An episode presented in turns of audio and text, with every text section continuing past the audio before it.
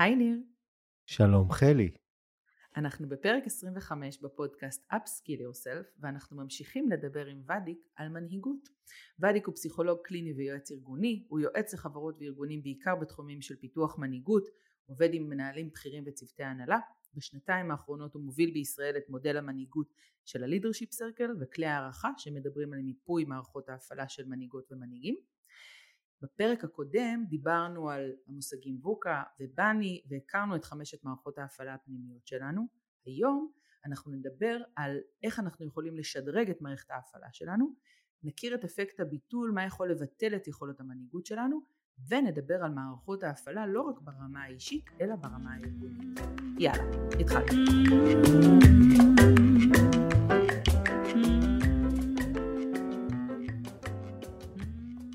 אז, אז יש לי עכשיו ממש כאילו כעס על האופן שבו מכשירים היום מנהלים. יופי, הוא, הוא משועשע ואני כועס. אני, כשהגעתי לפה אמרתי אני מאמין שאנחנו מתישהו נגיע לזה. למקום הזה שאומר אפשר להגיד פה what the fuck. ברור. בדיוק ככה. רגע, אבל שנייה, שנייה, אז זה מבאס, רגע, שנייה. אני, זה מבאס, נכון, רגע, אבל יש פה חדשות טובות. למה יש פה חדשות טובות? כי ואדיק המהמם אמר לנו שזה משהו, שמערכות הפעלה זה משהו שאפשר לפתח. שאפשר לעבוד על זה. אז, אז תן לנו רגע את האור בקצה המנהרה, ותרגיע אותנו, ותסביר לנו איך עוברים ממערכת הפעלה אחת לשנייה. אני, אני, רוצה, אני רוצה לענות לך על זה. אני רוצה רגע עוד שנייה להרחיב משהו. עוד שנייה. יאללה. אני רוצה לבוא ולהגיד שבעצם, כן, אנחנו יכולים לפתח מערכות הפעלה. וכן, מחוז סוף, אם אנחנו אומרים ש-80% מהעולם במקום ריאקטיבי, או במעבר בין הריאקטיבי לקריאטיבי, בדרך ל... בסוף, בכל זאת קורים דברים בעולם. זה לא שאנשים יושבים ומחכים, הדברים קורים, התוצאות קורות, ואנשים עושים, ואנשים יוצרים. אבל בעצם הם לא מממשים את מלוא הפוטנציאל האישי שלהם בדרך לעשות את זה. והם עושים את זה תוך כדי לשחוט, לשחוק או לשפוך הרבה אנרגיה מיותרת על דברים מיותרים, שבעולם שלנו האנרגיה הזאת היא מצרך נדיר. אז זה לא שדברים לא קורים, ואף אחד לא חיכה לי בשביל שאני אגיד את זה, העולם קורה, והעולם זז, והעולם מתפתח, אממה, הרבה אנרגיה הולכת למקומות הלא נכונים. והתפיסה של מערכות ההפעלה אומרת שלכל אחד מאיתנו, דרך אגב, התפיסה הזאת היא תפיסה מבוססת עוצמות. מאוד מאוד חשוב לומר את זה. היא אומרת שלכל אחד מאיתנו בגדול יש שלוש עוצמות מרכזיות. עוצמת הלב, שזה האופן שבו אנחנו, הרגשות שלנו, מנהלים את הרגשות שלנו ואת מערכות היחסים שלנו. עוצמת השכל, שזה החשיבה שלנו, האנליזה, הסינתזה. ועוצמת הגוף שלנו, שזה בעצם הביצועים שלנו, אנחנו זזים ומבצעים באמצעות הגוף שלנו. אז לכל אחד מאיתנו יש שלוש עוצמות מרכזיות, לב, ראש וגוף. ובעצם כשאנחנו מריצים את העוצמות האלה על מערכות ההפעלה השונות, אנחנו מקבלים תוצאות שונות לגמרי. התוצאות ייראו אחרת. כשאני מריץ לב על מערכת הפעלה ריאקטיבית, אני מקבל ריצוי.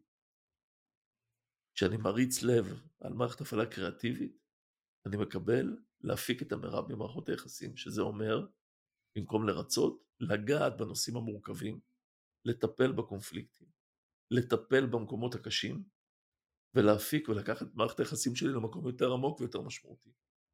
המשמעות של זה, זה שאם אני אהיה במערכת הפעלה ריאקטיבית, אני לא אוכל לעשות crucial conversations. אני פשוט לא אוכל לעשות את זה. אני אברח מהשיחות האלה, איזה... בדיוק, ולא משנה כמה מיומנויות ילמדו אותי, אני לא אהיה מסוגל לעשות את זה. זה לא קיים בתודעה שלי.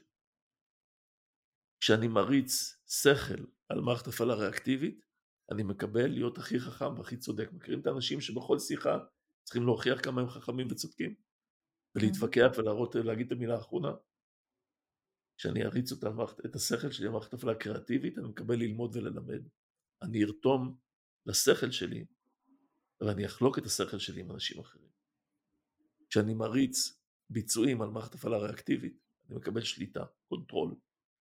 כשאני אריץ ביצועים על מערכת הפעלה קריאטיבית, אני מקבל רתימה. אני ארתום אחרים לעשות איתי את הביצועים. כשאני מריץ את זה, כשאני מבצע על מערכת הפעלה ריאקטיבית, אני אהיה micro-manager, אני אהיה פרפקציוניסט, אני אנסה לשלוט, אני אנסה להכתיב את הדרך שבה אנשים צריכים לעבוד, אני לא אתן להם מרחב. ולכן לא משנה כמה אני אלמד בן אדם עם מערכת הפעלה ריאקטיבית להאציל סמכויות, אה, אה, ליצור סביבה בטוחה וכולי וכולי, זה לא יקרה כי הוא לא מסוגל, כי התודעה שלו לא מאפשרת לו להיות במקום. זאת גם הסיבה שראיתי הרבה פעמים שאני מלמד ועושה תוכניות פיתוח מנהלים, ואני רואה שיש אנשים נבונים, מוכשרים, אבל זה לא קורה איתם. לא הבנתי בזמנו למה זה לא קורה אותם, היום אני יודע להגיד שהתודעה שלהם לא מכילה את זה, לא מאפשרת להכיל את האפשרות הזאת. אז למעשה, קודם כל יש לנו תוצאות שונות שאנחנו מריצים את העוצמות שלנו במערכות הפעלה השונות. ואם אנחנו רוצים להפיק את המרב מהעוצמות שלנו, צריכים לשדרג את מערכת ההפעלה. איך עושים את זה? כי אה, אה, אני יושב ככה ואני אומר וואי, הרי לשנות תודעה זה כמעט בלתי אפשרי. אז בוא ספר לנו איך תכלס לפחות כמה דוגמאות.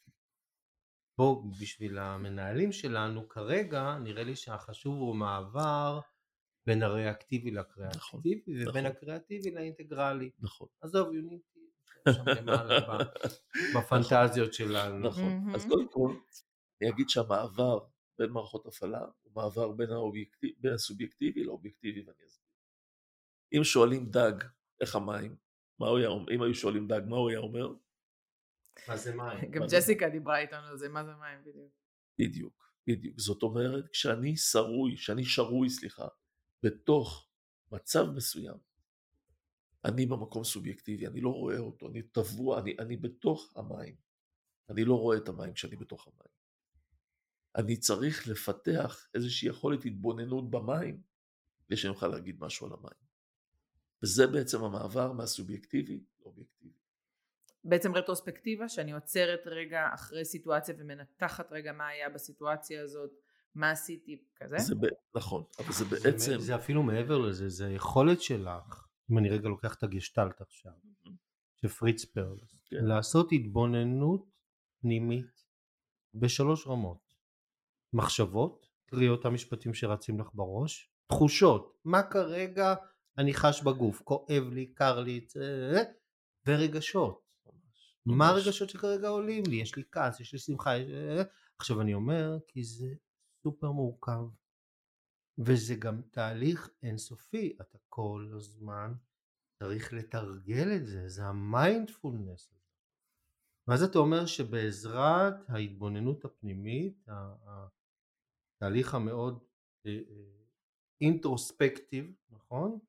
אני אבוא מהמקום הריאקטיבי לקריאטיבי. אני מתחיל את התנועה. כן. למעשה, אם אני, אם אני רגע אגיד, אז הלידרשיפ סרקל פיתחו כלי שזה של, בעצם שאלון הערכה 360, שבה הבן אדם ממלא את שאלון על עצמו, על המנהיגות שלו, ואחרים ממלאים עליו. הוא בעצם ממפה, קודם כל את מערכת ההפעלה, והוא עוזר בצד הראשון של לתפוס פרספקטיבה ולהגיד, רגע, אלה מאפיינים של מערכת ההפעלה שלי, אלה המאפיינים הקריאטיביים, אלה המאפיינים הריאקטיביים של מערכת. אני המון שנים עפתי על עצמי, וחשבתי שזה שאני נוטה לרצות לדוגמה, אז זה עוזר לי לתת שירות מעולה. אני מאוד מכוונן ללקוחות, אני מאוד אה, אה, רגיש לאנשים, אני מאוד יודע להיות אמפתי, ודרך אגב, זה נכון, יש את האל... ב... ב... בריצוי יש את האלמנטים האלה. אבל לא הבנתי עד שלא מילאתי את השאלון וראיתי שריצוי נמצא במקום הריאקטיבי. לא הבנתי איזה מחירים אני משלם לצד היתרונות שיש בזה, ויש בזה מתנות. לא קלטתי כמה אני מוותר על הקול שלי.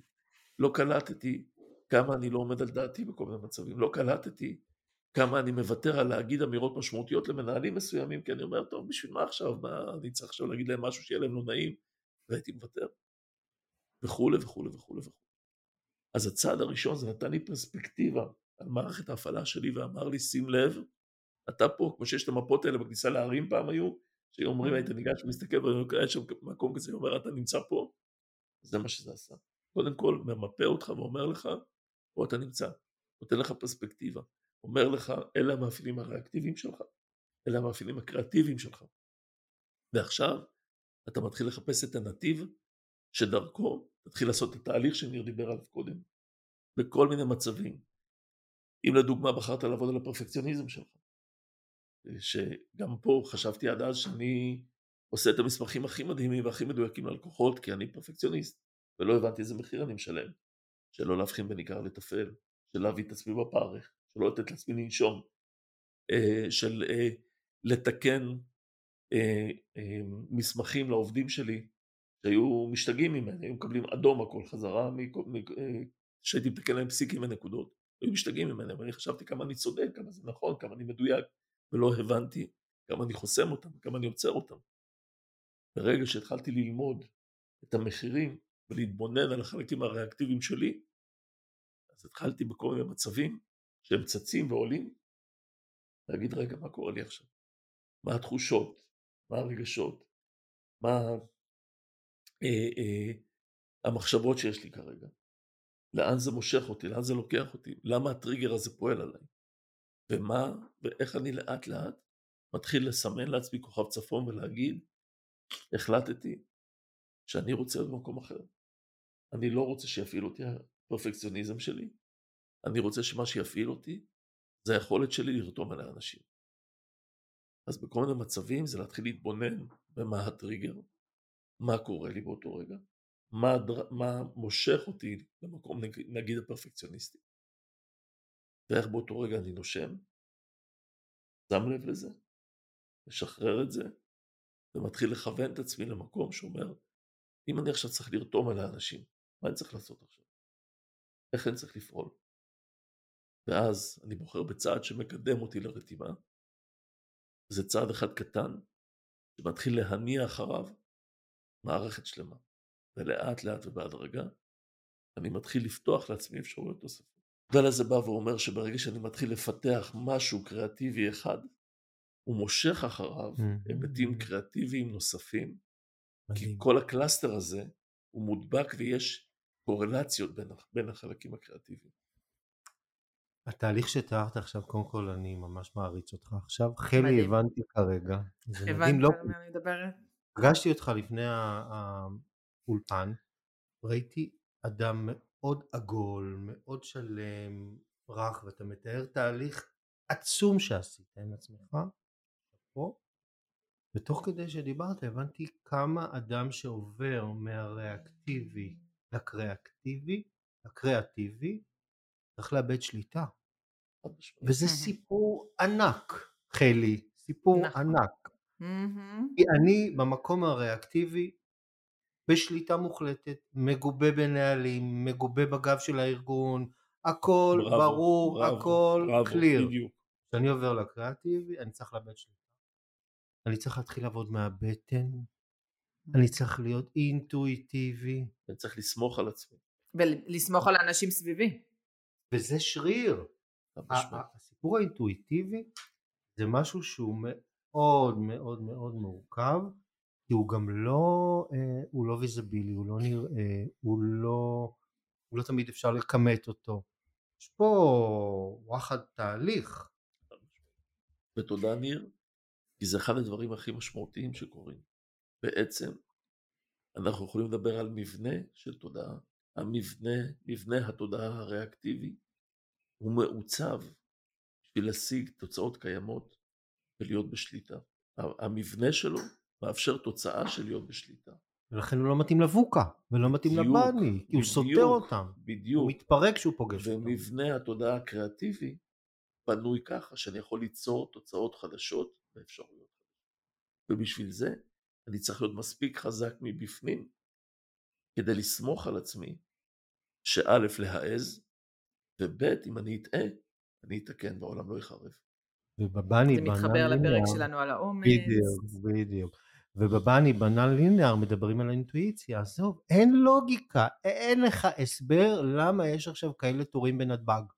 תפעיל את האינטואיציה שלך, ותראה איך אתה מוצא פתרונות עכשיו לדבר הזה. נכון. אני רגע חייבת להגיד, אני חייבת להגיד שני דברים. אחד... את פחות מתלהבת, כן.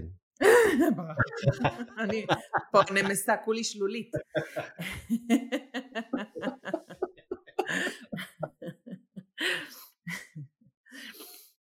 אני אגיד לך שני דברים שמאוד בלטו לי כשדיברת.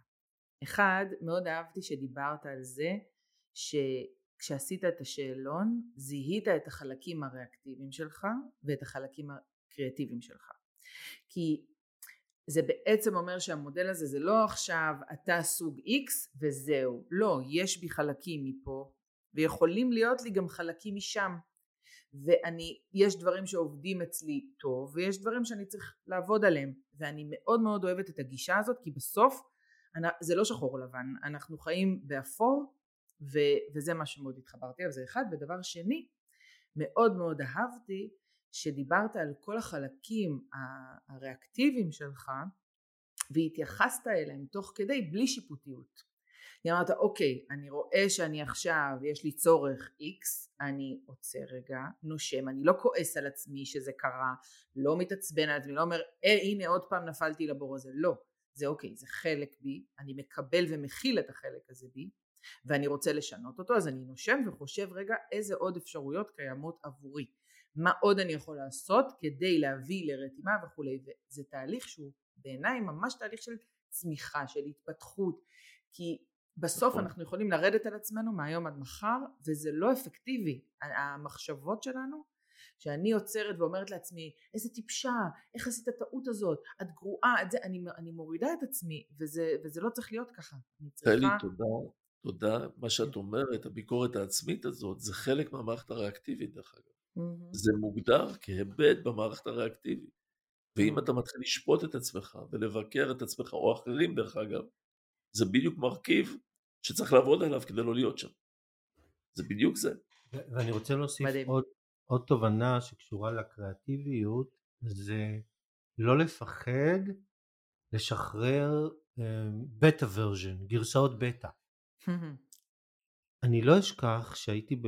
לפני שנים בביקור בגוגל והם אמרו אנחנו משחררים בכוונה גרסאות בטא לא מושלמות לא עם כל האדום והתיקונים שלך כדי שהגרסת בטא תאפשר לנשום תאפשר ללקוחות להשתמש ואז יהיה לנו את התיקון זאת אומרת יש שם ואני כל השנים מה איך מצא וזה ואחד איזה חפיף ספר וזה מה אני אוציא גרסת כן תוציא גרסת בטא וזה קרה done לי. is better than perfect.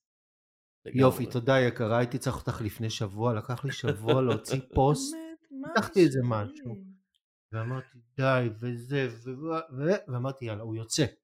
עכשיו מה שקרה פה, פה קריאטיביות, לא שאני אומר שאני שם, אבל... למה לא? כן, למה לא? זה שברגע שאמרתי היום אתה מוציא אותו, יצא איזה וואו. קרה משהו במוח שעשה איזושהי סגירה ואז זה יצא עוד יותר מדויק. זאת אומרת דווקא... בשחרור הזה קרה משהו. אז זה הפרדוקס. זה אבל זה תמיד זה תמיד ברגע שאתה משחרר משהו אבל להגיד לש... בואי תשחררי זה קל להגיד אבל זה קשה אנחנו צריכים לפעמים לעבור תהליך כדי לשחרר משהו. אני מכיר אותך darling אנחנו יודעים בדיוק עם מה אנחנו מדברים אפרופו ביקורת עצמית. רגע. אתה יכול להרחיב, כן, יש לך מבט של אני רוצה להגיד לך משהו ואני לא יודע אם לפתוח את זה מול כולם. אתה יכול להגיד. איך אני עובר למקום האינטגרלי? וואו. וואו. אני ויתרתי על היוניטיבי, כמו שהבנת, אבל איך אני לזה? אז קודם כל, קודם כל, הדרך היא לעבור דרך הקריאטיבי, היא, היא, היא לחזק מאוד מאוד את המערכת הקריאטיבית, כי בעצם כדי לעבור למערכת האינטגרלית, כל מערכת היא מכילה את המערכת שלפניה ומרחיבה. וההישג של מערכת הפעלה אחת היא הגג של מערכת הפעלה השנייה. אם ההישג שלי במערכת הפעלה הקריאטיבית זה שאני מתחיל להוביל את עצמי מבפנים החוצה וליצור תוצאות משמעותיות דרך הדברים שאני יוצר בעולם, דרך האני מאמין שלי, דרך כוכב הצפון שמושך אותי, אז בעצם הוא המעצור שלי בפני מערכת הפעלה אינטגרלית. כי במערכת הפעלה אינטגרלית אני לא חי לפי מערכת אחת. וזה שהשגתי את ההישג של להיות עם מערכת מגובשת של אמונות וערכים, זה מגביל אותי. כי בעצם מערכת הפעלה אינטגרלית היא באה ואומרת, המערכת שפיתחת היא אפשרות. היא אפשרות אחת. ובואו בעצם נפרק את המערכת הזאת עכשיו. אני צריך להיות ברמת התפתחות כזאת, שאחרי שבניתי את הדבר הנפלא והמשוכלל הזה, את החזון שלי, את הערכים שלי, את הייעוד שלי, את כוכב הצפון שלי, בואו נפרק אותו. אני עכשיו נותן לכם שורה שאומרת, אה, שורת זן שאומרת מדריך לצייר במבוק, וזה הולך ככה. תסתכל על הבמבוק, תראה את הבמבוק, תחלום את הבמבוק, עד שאתה הופך להיות במבוק, ואז תשרוף את הבמבוק. ו, וזה בעצם, על זה אנחנו מדברים פה. בנית לך, פיתחת לך, הפכת להיות משהו שאתה מאוד גאה בו ומרגיש מאוד מאוד טוב איתו. ועכשיו בוא תתחיל לפרק אותו. ובוא תתחיל להבין שזאת אפשרות אחת מיני רבות. ובוא תבין שאתה לא גוש אחד של משהו אחד, אלא שאתה בעצם מורכב מהמון חלקים, מאור וצל.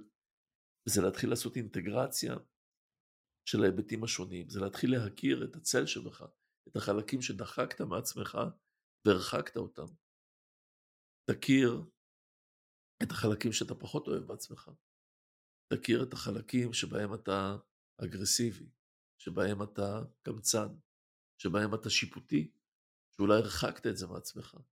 אבל אומר יונג, שכשאנחנו נכנסים, אה, כשאנחנו חוקרים את הצל שלנו, זה כמו חוקר שנכנס למערות עמוקות ומגלה שם אוצרות, שאם הוא מגלה אותם ומתחיל לעשות אינטגרציה שלהם, שם הוא, הוא מביא מתנות משמעותיות פנימה לתוך האישיות שלו, מתנות שהן מודחקות ומורחקות ולא היה להן מקום. אז, אז אני רוצה רגע בנקודה שהיא ממש נקודת שיא כרגע לפי מה שאתה מתאר, גם רגע לסכם וגם להגיד משהו לשאול. אני מבין שברגע שאני באגוצנטריק אני במרכז. ברגע שאני בריאקטיבי אז הארגון במרכז, או נכון. החברה או נכון. הסביבה. ברגע שאני קריאטיבי אז אני שואל את עצמי מי אני. ומחפש בעצם את הזהות שלי. ברגע שאני... ומגדיר את הזהות. ומגדיר. וברגע שאני אינטגרלי אז אני שם במרכז כרגע, או אני שואל למען מי אני, ואני שם במרכז את הקהילה, את הסובבים אני מבין שאני סוג של... ואני מבין שהזהות שלי היא מורכבת, היא מורכבת מהמון משלל חלקים. כן, אבל היא לא במרכז, אני כאילו פסיליטטור, אני שליח, אני, אני כן. למענם. כן, אני ו... שליח של היקום עבור האנשים. וברגע שאני יוניטי, אז אני באמת חלק מהשלם. נכון. איך כל הפילוסופיה המדהימה הזאת, המאוד זנית בודהיסטית, מתחברת עם ארגונים עסקיים. בוא, אתה מדבר איתי על ארגון, מאה אלף איש, גלובלי, יעדים, הייטק, בורסה, וואלה, איך החיבור הזה קורה? אני סקרן. אז uh, הדבר המעניין, כמו שהאמריקאים יודעים לעשות, באה חברת לידרשיפ סרקל ועשתה מחקר מדהים עם מספר אוניברסיטאות במהלך, אה, בעולם, והראתה איך את הדבר הפשוט, המופלא והעוצמתי הבא. ככל שאתה משדרג יותר את מערכת ההפעלה שלך, האפקטיביות המנהיגותית שלך גדלה, ורמת הביצועים העסקיים שלך גדלה בהתאם. הם הלכו לארגונים ובדקו מדדי ביצוע של ארגונים, איכות המוצרים שלהם, המגוון של המוצרים שלהם, הרווחים שלהם, הרווחים פר מוצר, ולקחו איזה שבעה או שמונה מדדים עסקיים בכל ארגון. העבירו למנהיגים בארגון את הפרופיל הזה, וראו קשר בין זה שככל שמערכת ההפעלה שלך משוכללת יותר, ככה רמת הביצועים העסקיים שלך גדלה. ובעצם המסר לארגונים זה שאם תשקיעו בשדרוג מערכת ההפעלה של האנשים שלכם, של המנהיגים שלכם, אתם בעצם תיצרו יתרון תחרותי בעולם המשונה והמוזר שבו אנחנו חיים. זאת אומרת, זה לא רק שהמנהיגים שלכם ידעו להתמודד טוב יותר בעולם ווקה או בבני או, או איך שלא נקרא לזה, אלא יהיה, תהיה לכם תשואה גבוהה יותר. זאת אומרת, ההשקעה הזאת בתודעה היא השקעה שיש לה החזר ROI מדהים ליכולת התחרותית ויכולת הביצועים של הארגון. יש לי שאלה רגע ודיק. זה, זה מאוד מתחבר לי ולאג'נדה שלי, אבל אני כאילו לא מצליחה להוציא מהראש את טראמפ, שהוא מולטי מיליונר, מגלגל עסקים במיליארדים, הגיע לתוצאות עסקיות מעוררות התפעלות והשראה, והבן אדם במערכת ההפעלה הראשונה. זה משהו שם קשה לי כאילו להתחבר לזה, אני לא מצליחה, זה לא, משהו לא, לא ברור לי שם. ואם אנחנו ניקח את פוטין שאומרים שהוא בין האנשים הכי עשירים בעולם. ואם אנחנו ניקח אוליגרכים שהם אנשים מאוד מאוד מאוד עשירים, והם אה, לא בטוח שהם במערכת הפעלה אינטגרלית.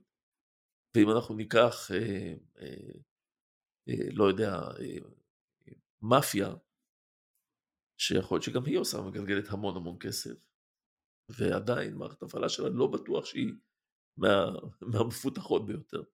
אז איך זה קורה? קודם כל, כמות הכסף שיש לך, אוקיי, היא לא תמיד עדות, היא לא תמיד, אה, אה, כן, זה עניין של הגדרה של הצלחה. אם אתה בא ואתה אומר, אני רוצה, מבחינתי הצלחה, זה להשיג כמה שיותר כסף. בטוח שיש דרכים לעשות את זה, לא רק על ידי פיתוח התודעה האישית שלך. אבל היום, כשאנחנו מדברים על עולם שהולך ומאבד את זה, וכל האיזונים מופרים, וכשאנחנו מדברים על עולם ועל אנשים שמחפשים היום משהו אחר, וגם בעקבות הקורונה, רוצים סביבה אחרת, רוצים אה, תחושת שייכות אחרת, רוצים להרגיש חלק מהמשפחה שלהם עדיין, ולא להיות עבדים במקום העבודה, ורוצים משהו אחר, והעולם הזה היום רוצה משהו אחר. המנהיגות שמתאימה לתמוך בכיוון הזה ולאפשר תוצאות איכותיות בסביבה כזאת, היא המנהיגות ברמת תודעה יותר גבוהה. האם זאת הדרך היחידה והטובה ביותר להרוויח המון כסף? כנראה שלא. האם זאת דרך מאוד מאוד טובה ליצור ארגונים בשירות העולם ובשירות האנשים שחיים בו? בהחלט כן. זה ההבדל שאני עושה בין הדברים. אמן. אני מתחברת לזה מאוד. אה, ודיק, מה, דיברת איתי לפני זה על אפקט הביטול, בוא תן רגע כמה מילים על האפקט הזה. אה, בטח. אחד הדברים המשמעותיים שמדבר על היכולת שלנו לפתח את מערכת ההפעלה שלנו, בין היתר זה לאזן בין היכולת שלנו להוביל אנשים לבין היכולת שלנו להוביל משימות. הרבה מאוד פעמים כשאנחנו מדברים על סגנונות ניהול, בלי קשר למערכות הפעלה, אנחנו יכולים להגיד על אדם שהוא יותר מוטה אנשים, שהוא יותר מוטה משימות, שהוא יותר people oriented או task oriented. אבל בתפיסה הזאת היא אומרת דבר מאוד מאוד מעניין. היא אומרת שכדי להיות מנהיג אפקטיבי, אתה חייב לאזן בצורה מאוד מאוד טובה בין שני החלקים האלה, ואתה צריך שיהיה לך יכולת להוביל משימה, אבל יכולת להוביל אנשים ולרתום אותם ולפתח אותם ולהעצים אה, אה, אותם. ובעצם כשאתה כמנהיג מאוד מוטה משימה, אתה משימתי, אתה אסטרטג, אתה חד ומקצוען, אתה, יש לך חזון מאוד ברור, אבל אתה פחות איש שיודע לרתום אנשים, נוצר משהו שקוראים לו אפקט הביטול. אפקט הביטול אומר שבעצם היכולת שלך, האסטרטגית, המקצועית, כשאתה לא יודע מספיק להצמיח את האנשים שסביבך, זה מבטל את כל המנהיגות שלך. זאת אומרת, באיזשהו, באיזשהו אופן, אתה אה, מאפס את המנהיגות שלך. זאת אומרת, המקום של להיות מנהיג משימתי, זה בעצם להגיד באיזשהו אופן, לא להיות מנהיג. אני יכול לתת דוגמה מאדם שעבדתי איתו. שכשביקשו, מנהל שעבדתי איתו, שביקשו ממני לעבוד איתו, אמרו לי את הדבר הבא, הבן אדם הזה הוא נשמה. הוא בן אדם והוא חבר והוא אכפתי וכולי וכולי. אבל כשזה מגיע לעבודה, הוא הופך להיות לקילר. הוא משימתי, הוא חותך, חסר סבלנות, הוא לא מוכן לשמוע אותנו, הוא רודה בנו, הוא מכתיב לנו מה לעשות, איך לעשות, ובעצם כשזה קורה, אנחנו בורחים ממנו. אנחנו מתחמקים מישיבות איתו, אנחנו מתחמקים מפגישות אישיות איתו, אנחנו מנסים כמה שפחות להיות בנוכחותו. אין לנו בעיה ללכת לשתות איתו קפה, כי אז יוצא ממנו חבר אמיתי ואיש מדהים, אבל כל מה שקשור לעבודה, אנחנו לא מסוגלים להיות ליד, ליד הבן אדם הזה. המשמעות של הסיפור הזה היה שהוא מצא את עצמו עובד לבד, שאנשים ברחו ממנו כל עוד הם יכולים, שניסו לתת לו משהו, את המינימום שהוא מבקש מהם, ושיעזוב אותם בשקט, והוא לא הצליח לקדם את המערכת שלו. זאת דוגמה בעיניי, אחת הדוגמאות הקלאסיות לאפקט הביטול, שלמרות שהבן אדם סופר מקצוען, חד, אה, אה, כמו טהר, mm-hmm. מאוד מאוד מבין מקצועית, ברגע שהוא מאבד את האנשים שלו, הוא מאבד את המנהיגות שלו. זה נקרא רץ ואנשים מאחוריו נופלים וזה לא מתקדם. נופלים ואפילו בורחים ממנו, כן. אז אני רוצה רגע לשאול, אם אני מסתכל על מנגנון ההפעלה האינטגרלי, כן. שהוא מדבר על inclusion ו-compassion, לפי מה שאתה אומר כרגע לא יכול להיות שם אפקט ביטוי. נכון. אפקט, קודם כל מערכת ההפעלה של אותו אדם שדיברתי עליו, הייתה מערכת הפעלה ריאקטיבית. Mm. ובמערכת הפעלה הריאקטיבית, בעצם ההיבטים הבין אישיים שלו היו נמוכים מאוד, ואז בצורה כזאת זה איפס וביטל את היכולת המנהיגות שלו. זאת אומרת, קשה מאוד היום לבוא ולדבר על מנהיגות משימתית ברגע שאין לך את היכולת הבין אישית. אבל גם בקריאטיבית אני יכול לזהות מצב שאדם יבטל את הסובבים אותו מרוב שהוא יהיה עסוק בעצמו. בקריאטיבית. ואז זה כן. מבטל את המנהיגות, זה מה שהוא אומר. זה מבטל לך את היכולת מנהיגות שלך. אבל באינטגרלית אין מצב שהוא עושה ביטול עצמי, כי המהות שלה זה ה giver, זה ה inclusion, זה ה compassion, זה לא לשפוט אנשים, זה להיות בשבילם, להבין שלא אני במרכז וכולי. זאת אומרת, יש פה משהו מאוד משמעותי במודל, שברגע שאני שואף או מגיע למקום האינטגרלי, מראש לא קיים אפקט הביטול. נכון. גם בקריאטיבי, הסיכוי לזה הוא קטן יותר. כי כשאני יוצר חזון, הרעיון שלי זה לא ליצור חזון ולדרוס את האנשים בדרך, אלא לחבר את האנשים לחזון שלי. אז גם שם הסיכוי לזה הוא יהיה קטן יותר, אבל עדיין יכול להיות. זאת אומרת שבעצם ככל שאני מאזן יותר ואני יותר אינקלוסיב ואני יותר כולל ומחבר ואני מפתח את רמת התודעה שלי, הסיכוי לאפקט הביטול קטן יותר. לכן כשאנחנו רואים בהמון ארגונים אנשים, לצורך העניין מהנדס, סופר מקצוען, שם אותו לתפקיד ניהולי, אבל הוא לא יודע לקחת איתו את האנשים, יש שם בעיה. כשאנחנו רואים רופא, מנהל מחלקה, בן אדם מבריק, לא יודע לחבר אליו את האנשים, יש לנו בעיה. ו- ו- ו- וזה לא שלא נורא זו משימתי, זה נורא, זה אומר שהוא לא עושה את העבודה המנהיגותית. זה המשמעות של אפקט הביטוי. מצוין, סופר חשוב. כן.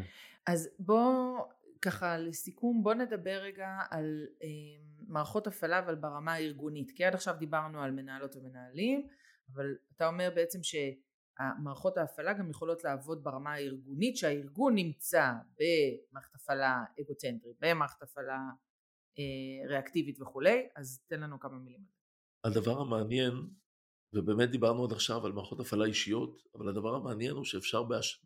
להגביל את מערכות ההפעלה האישיות גם לארגון. אפשר לבוא ולומר בעצם, אפשר לדבר על מערכת הפעלה ארגונית. דרך אגב, גם בלידרשיפ סרקל יש כלים שמאפשרים מיפוי ארגוני, לא מיפוי אישי, שבאים ואומרים בואו נמפה את כל הארגון או צוות מסוים ונזהה את מערכת ההפעלה הצוותית או הארגונית. זאת אומרת, מסתכלים גם על הארגון ועל הצוות כאישות. ואנחנו בעצם יכולים לבוא ולהגיד שבא, ש, שלדבר על מושג של מנהיגות קולקטיבית שבעצם מנהיגות קולקטיבית היא הופכת להיות סוג של ישות נוספת, שהיא מעבר למנהיגות כזאת או אחרת של אדם. ואנחנו מדברים על המנהיגות הקולקטיבית בארגון, שאם הארגון כאישות, המנהיגות בו היא מנהיגות ריאקטיבית לצורך העניין, אז היא תהיה מנהיגות שהיא, או הארגון יהיה ארגון היררכי, צייתני, ארגון שיהיה פחות גמיש, ארגון שהעבודה בו תהיה יותר בירוקרטית, יותר נוקשה, התהליכים בו יהיו יותר איטיים נקרא לזה, ופחות בהסתגלות ובתגובה זריזה לשוק. במנהיגות, בארגון שהמנהיגות שלו היא מנהיגות קריאטיבית, אנחנו נראה קודם כל ביצועים הרבה יותר גדולים. זה ארגון שהוא מובל לאור חזון, זה ארגון שהוא אה, אה, בדרך כלל יגיע לרמות אה, גמישות בצורה אה, טובה ואיכותית, אבל אם אנחנו מדברים על ארגון שהוא ארגון אינטגרלי, אנחנו מדברים פה בכלל על רמות שיא של ארגון שמעורב בחיי הקהילה שלו.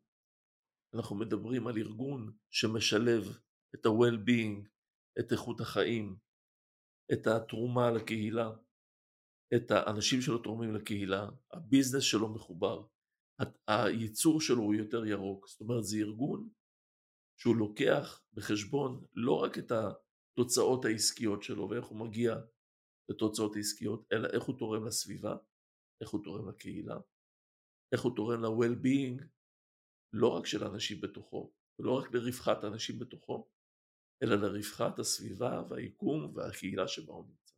זאת אומרת שיש לו שתי שורות רווח, שורת רווח עסקית ושורת רווח חברתית. לגמרי. והן נמדדות שתיהן באותה רמת חשיבות. נכון. זה לא שאני עכשיו עושה פעם בשנה התנדבות בקהילה כי אני רוצה להיות אה, מגניבה, לא, זה חלק מהמהות שלי וזה חלק בסיסי בהתנהלות הארגונית שלי. המוצרים שלי בנויים ככה. Mm-hmm. האופן שבו אני עושה עסקים בנוי ככה. אני משתף אנשים, אני יוצר ecosystem, mm-hmm. אני לא אה, אה, מוביל את התהליכים שלי וש... ולא... ואחרים לא מעניינים אותי. Mm-hmm. ואני עושה את הרווחים שלי ואחרים הם ה... לצורך העניין המתחרים שלי ואני צריך לנצח אותם. אלא אני עושה inclusion גם ברמת הקהילה, גם ברמת המתחרים שלי. כמו הארגון שסיפרתי עליו שנותן במה בכנסים שלו למוצרים מתחרים. כן. מתוך הבנה שהוא רוצה לעשות טוב לקהילה. יש לך עוד דוגמה כזאת לארגון אינטגרלי? כי אני חושב שמה שמאוד מעניין כרגע בתיאור זה שזאת מערכת הפעלה שגם מעצב את הקהילה. זאת אומרת ברגע שהארגון הוא אינטגרלי וכמו שאמרת הוא גם well-being ותרומה לקהילה וכולי וכולי הוא גם מייצר תרבות בקהילה שהיא בהלימה לאינטגרליות של הארגון אז האם אני, יש לך דוגמה כזאת? אני אתן דוגמה לארגון אחר שהיום במקרה דיברתי עם המנכ"ל שלו והארגון זה מנכ"ל חדש והארגון הזה אמר אני רוצה לעצב לעצמי חזון, ייעוד כל מיני דברים אצלו השתנו בארגון הזה, התהליכים שלו השתנו, פרויקטים שלו גדלו והתפתחו, והמנכ"ל אמר, אני רוצה בעיצוב החזון שלי, בעיצוב הייעוד שלי, לשתף את הלקוחות שלי, את האנשים שעובדים איתי, ואת הקהילה. זאת אומרת, שהוא לא יושב ומגדיר לעצמו את החזון עם העובדים, כמו שבהרבה, זה יושבת ההנהלה, מגדירה חזון, מורידה את זה לעובדים, עובדים, למנהלים שמתחת, שמורידים את זה לעובדים שלהם. אומר, לא, אני חי באקוסיסטם. יש לי אנשים שעובדים איתי, אה, אה, אני, אני משפיע על הקהילה שלי, אני משפיע על הסביבה שלי, יש לי לקוחות, אני רוצה שכל האקוסיסטם הזה יהיה חלק מעיצוב החזון שלי, כי אחרי זה כשאני פועל, אני רוצה שאנחנו נזוז ביחד בתוך הסיפור הזה, וניצור משהו משותף. זאת אומרת שהוא תופס את הלקוחות שלו כקהילה שלו, שזה מרתק. לגמרי. מדהים, לגמרי. מדהים. לגמרי. אז חלי, אז משפט אחרון לפני שאנחנו מסכמים, אני חושבת שהארגונים כאלה שיש להם שורת רווח גם כלכלית וגם חברתית, זה בסוף ארגונים שאנשים רוצים לקנות מהם. כשאני הולכת בסופר ואני רואה שעל המוצר שאני קונה אה, כתוב fair trade שזה אומר שהיה פה אה, אה, התעסקות גם או חשיבה גם על זה שזה לא עכשיו סוואטשופ שאנשים שם אה, מרוויחים פרוטות ויש פה סחר הוגן אני מעדיפה תמיד לקנות אה, מוצרים כאלה כי הם עולים לי אה, כמה שקלים יותר אבל אני יודעת שיש פה איזשהו משהו מאחורי זה. אז אני חושבת שגם כצרכנים אנחנו רוצים לראות יותר ארגונים כאלה אנחנו משוועים לכאלה דברים זה לא, זה לא רק כאילו כי אני רוצה לא יודעת מה לעשות רק טוב לסביבה בסוף זה גם משתלם לי כלכלית בסדר? זה, זה מה שאני מנסה להגיד. חד משמעית ואני חושב שזאת הראייה היום של ארגונים עסקיים שמבינים שלעשות עסקים זה לא רק לעשות שורת רווח, להכניע את המתחרים שלי, או לחנוק את הלקוחות שלי ולקחת מהם עוד שקל, אלא זה לעשות טוב לכולם. ואם אני לא עושה את זה אבל מבאמת כי אני רוצה לעשות טוב לכולם ואני עושה את זה רק בשביל עניין כלכלי, רואים ומרגישים את זה, אז אל ת... מה שנקרא... אל תשחקו משחקים. תעשו את זה באמת, כאילו מהלב ואז זה מורגש. נכון, אבל בשביל לעשות את זה אתה צריך לפתח את התודעה mm-hmm. ואת מערכת ההפעלה הארגונית ואת מערכת ההפעלה של המנהיגים. ודיק לסיום עוד שיר מנתן יונתן, שירים בכסות הערב, האיש ההוא. נקרא את החצי השני של השיר.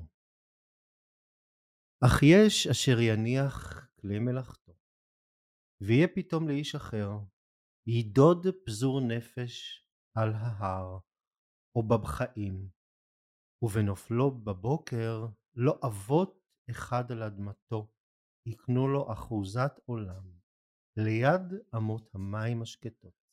איפה ישנם עוד אנשים, כמו האיש ההוא, אשר היה כערבות הבוכיות, וכמו מבצר עתיק, היה בסוף הדרך. ודיק, תודה רבה רבה, היה מרתק. תודה רבה ודיק. תודה רבה לכם, מדהים.